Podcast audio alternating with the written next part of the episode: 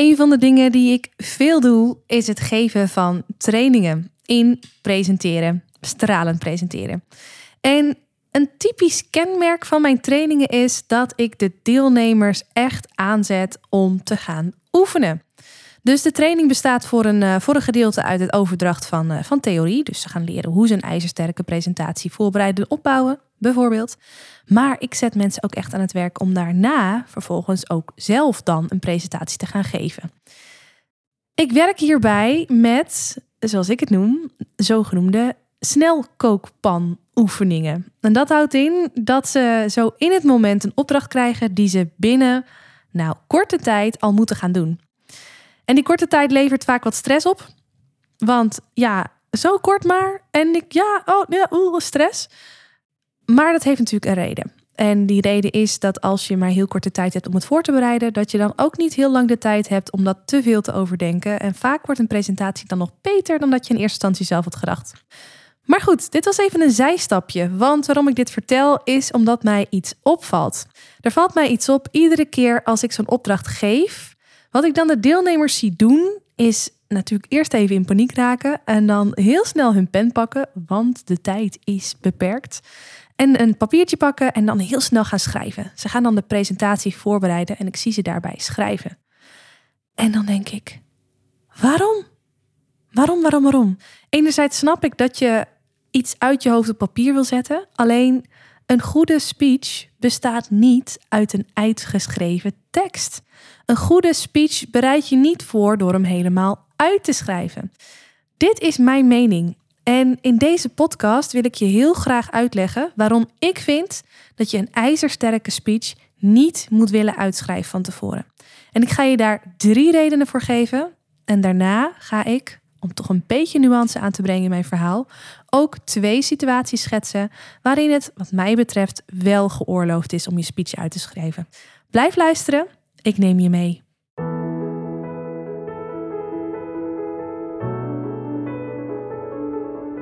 Mijn naam is Marije Wielenga. Is presenteren voor jou van essentieel belang om succesvol te zijn? Zakelijk, publiekelijk of persoonlijk? dan is deze podcast Stralen Presenteren voor jou.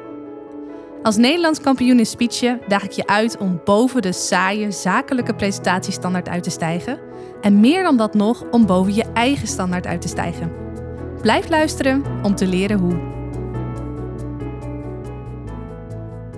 Het is heel goed mogelijk dat het jouw werkwijze nu al is als je een presentatie geeft, dat je hem geheel uitschrijft. Nou, laat me jou meenemen in waarom ik denk dat je het beter anders kunt doen. En dan begin ik met de eerste reden. Op het moment dat je je verhaal helemaal uitschrijft en deze meeneemt naar de presentatie die je geeft, en vervolgens ga je als het ware je verhaal oplezen, Waarbij ik natuurlijk hoop dat je je verhaal al wel een aantal keer geoefend hebt. Dus dat je niet alles letterlijk voor hoeft te lezen. Maar dan nog het grootste gedeelte van je voordracht lees je voor vanaf papier. Wat er dan gebeurt, is dat jouw ogen zich focussen op dat papier. En juist in die presentatie is het zo belangrijk als je de mensen in de zaal aankijkt. Dus dit is dan ook gelijk reden nummer één waarom ik vind dat je je speech niet uit moet willen schrijven. Als je je speech niet uitschrijft, heb je ook niets om letterlijk voor te lezen.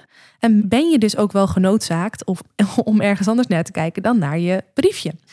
En maak je daarmee dus makkelijker contact met de mensen in het publiek, wat zorgt voor meer verbinding, wat zorgt voor een hogere impact met de presentatie die je geeft, wat eigenlijk beter is voor iedereen.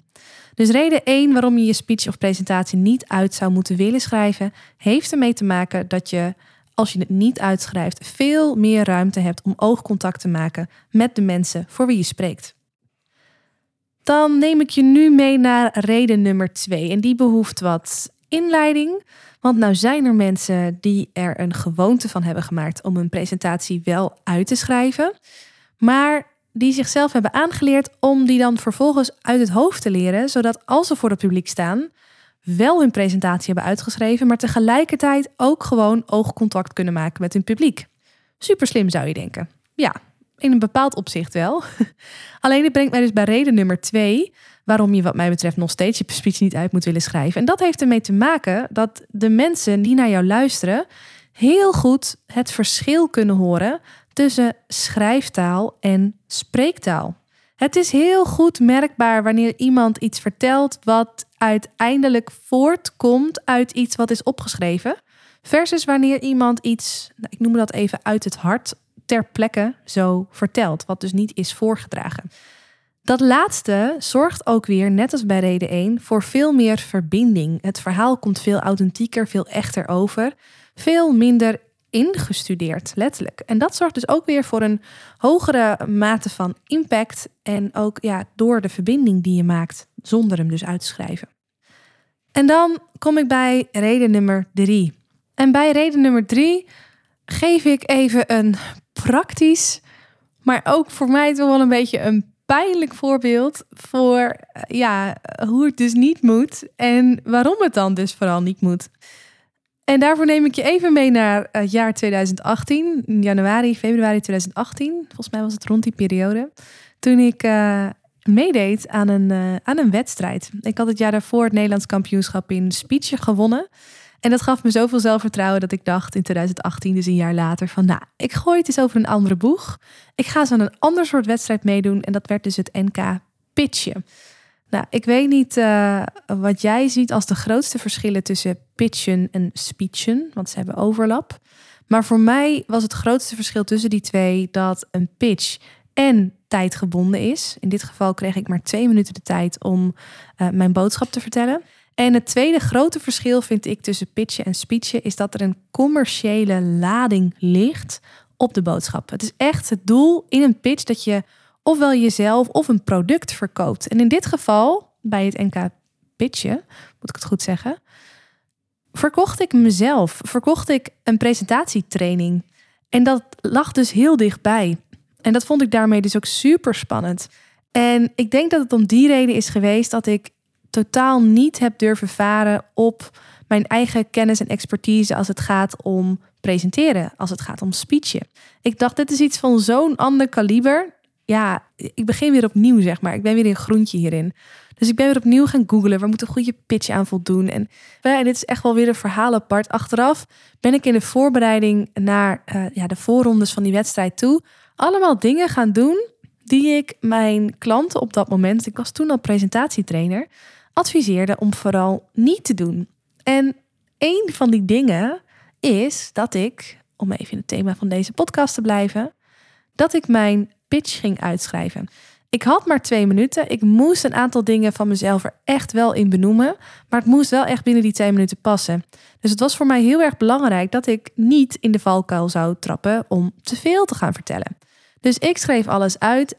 En vervolgens, ik was natuurlijk snug en Henkie ook niet, ben ik die hele riedel van twee minuten helemaal uit mijn hoofd gaan leren. Ik heb hem ook echt duizend keer geoefend, denk ik wel. Nou goed, misschien is dat een beetje overdreven, maar ik heb echt, echt heel erg veel geoefend. Totdat het verhaal er echt helemaal van A tot Z in zat. En pas toen was hij klaar voor de wedstrijd.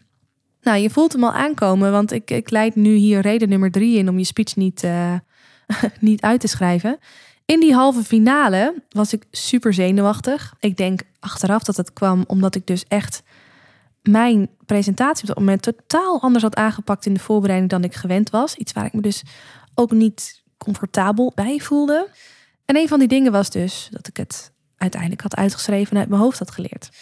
Nou goed, wat er misging in die halve finale, ik begon te praten en de, de timer, stond zo'n grote timer voor mij, werd uh, ingedrukt. Dus die telde af van twee minuten naar nul. Er zat een, uh, een, een vijfkoppige jury voor me van collega-presentatietrainers. Die, ja, weet je, dat, dat bouwt de spanning voor mij ook nog eens een keer enorm op. En ik was ook nummer zoveel van die dag. Het was gewoon druk. Hè? De, de, de deelnemers liepen achter elkaar door daar naar die jury toe. Dus eh, de gezichten waren ook van, nou, is next? Oké, eventjes aantekeningen maken. Ik voelde me daar niet heel speciaal en ook dat deed iets met mijn zenuwen. Enfin, het ging even gruwelijk mis in die halve finale, want halverwege mijn verhaal kwam ik niet meer uit mijn woorden. Ik was gewoon mijn verhaal kwijt. Ik dacht, jee, waar ben ik nou gebleven? En ik begon te hakkelen en ik begon te denken. En ondertussen zag ik die klok voor me verder aftellen, verder aftellen. En op een gegeven moment wist ik, iedere minuut die ik nu stilval, is strakjes een minuut te lang als ik mijn verhaal alsnog afmaak. Ik wist gewoon, iedere seconde die ik nu stilval, is een seconde in de min van die twee minuten. die ik maar heb. En ook dat leverde me stress op. Dus op een gegeven moment vroeg ik maar gewoon met, met rode konen van... joh, mag ik alsjeblieft mijn pitch opnieuw doen? Want het lukt me niet meer. Waarop zij zeiden, eh, ja, nee, nee, probeer de draad toch maar weer op te pakken. Maak het maar af. En als de timer is afgelopen, ja, maak je verhaal maar gewoon af. Dit is wat het is. Nou, baalde natuurlijk als een stekker. Ik kon door de grond zakken. Ik weet niet meer hoe, maar ik heb dat verhaal afgemaakt. Maar ik ging hier dus echt gruwelijk de mist in. En achteraf, ja, dit heeft echt een behoorlijke impact op mij gemaakt. Het is echt nog maar een klein stuk van het verhaal, voor wat er voor mij toen allemaal speelde.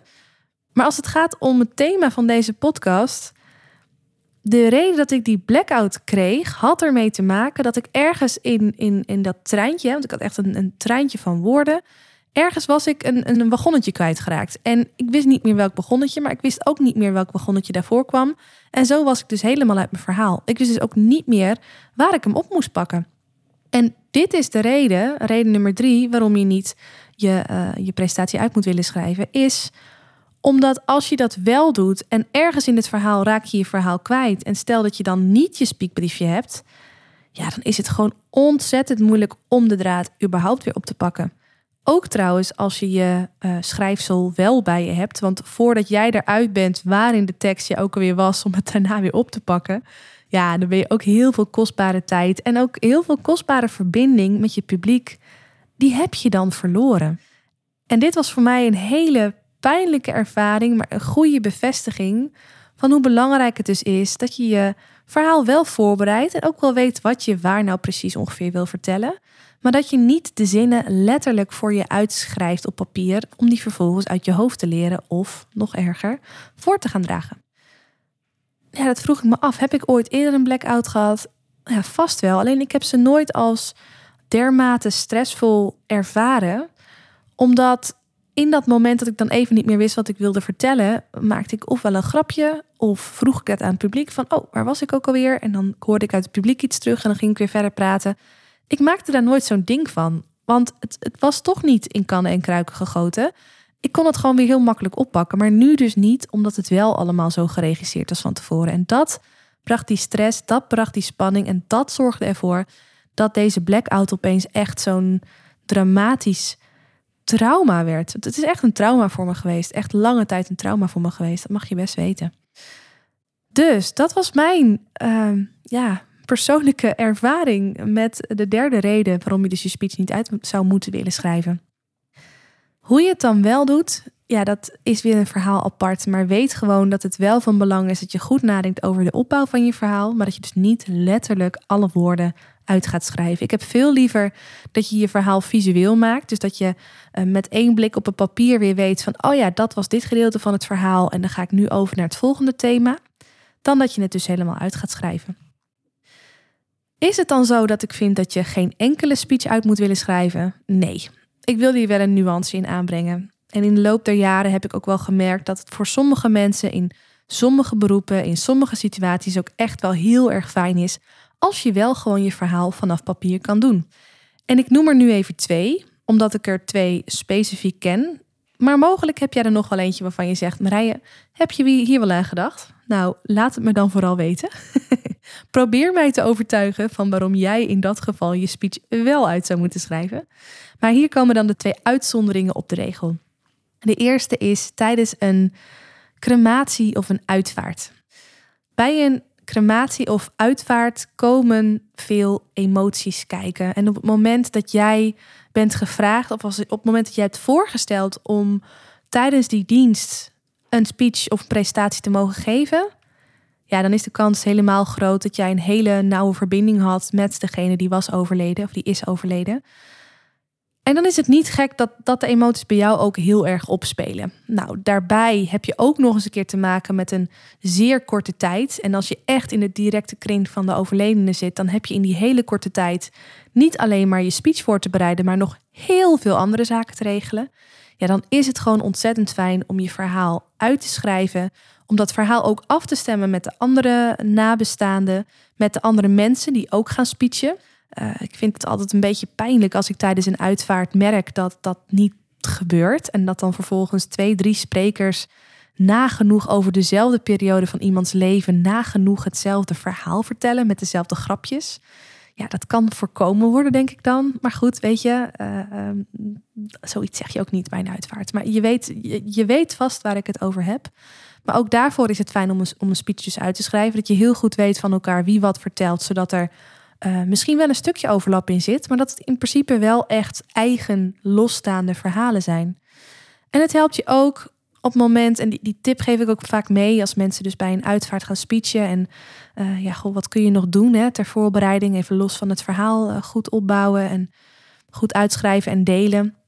Het helpt ook heel erg om voor jezelf te bedenken of het fijn is of er iemand bij jou zou mogen staan om je te ondersteunen als dat nodig is. Het zou heel goed kunnen dat stel je hebt je verhaal toch 10, 20 keer geoefend, ook voor een groep mensen. Dan kan het nog steeds zijn dat je wordt overvallen door emoties op het moment dat je je speech geeft. En dan is het heel fijn als er iemand achter je staat en dan kun je samen afspreken wat die persoon dan doet. Hè. Het kan fijn zijn dat die persoon je dan even een, een hand op de schouder legt. Maar het kan ook heel goed zijn als jij zegt van joh, weet je, als dat gebeurt, dat je dan met elkaar afstemt, dat die persoon het van je overneemt. En ook dan is het gewoon noodzakelijk dat je speech is uitgeschreven.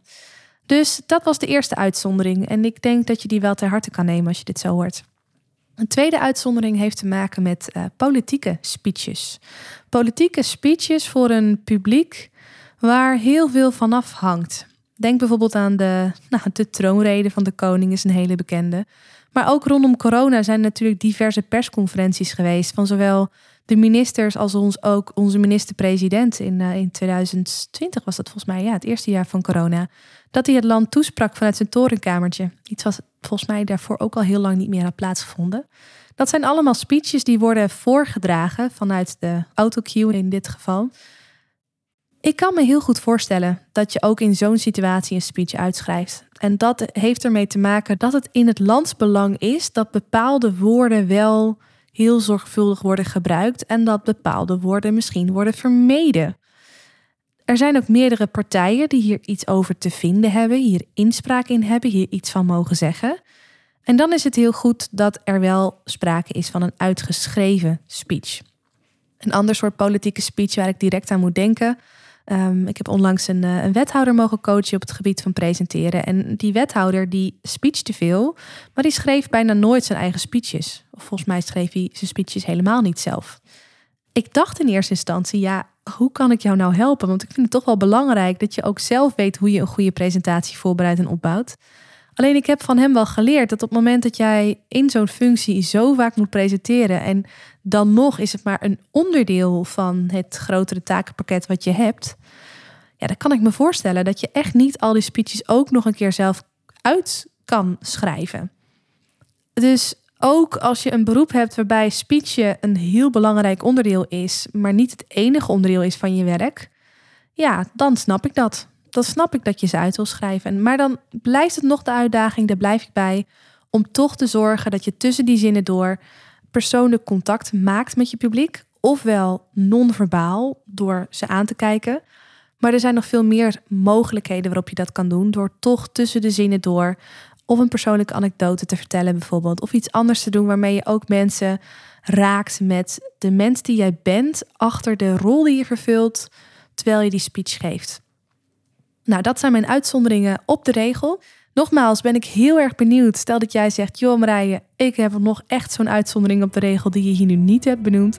Laat het me weten, dan neem ik een afweging of ik het met je eens ben. Bedankt voor het luisteren en tot de volgende podcastaflevering. Is deze podcast waardevol voor je?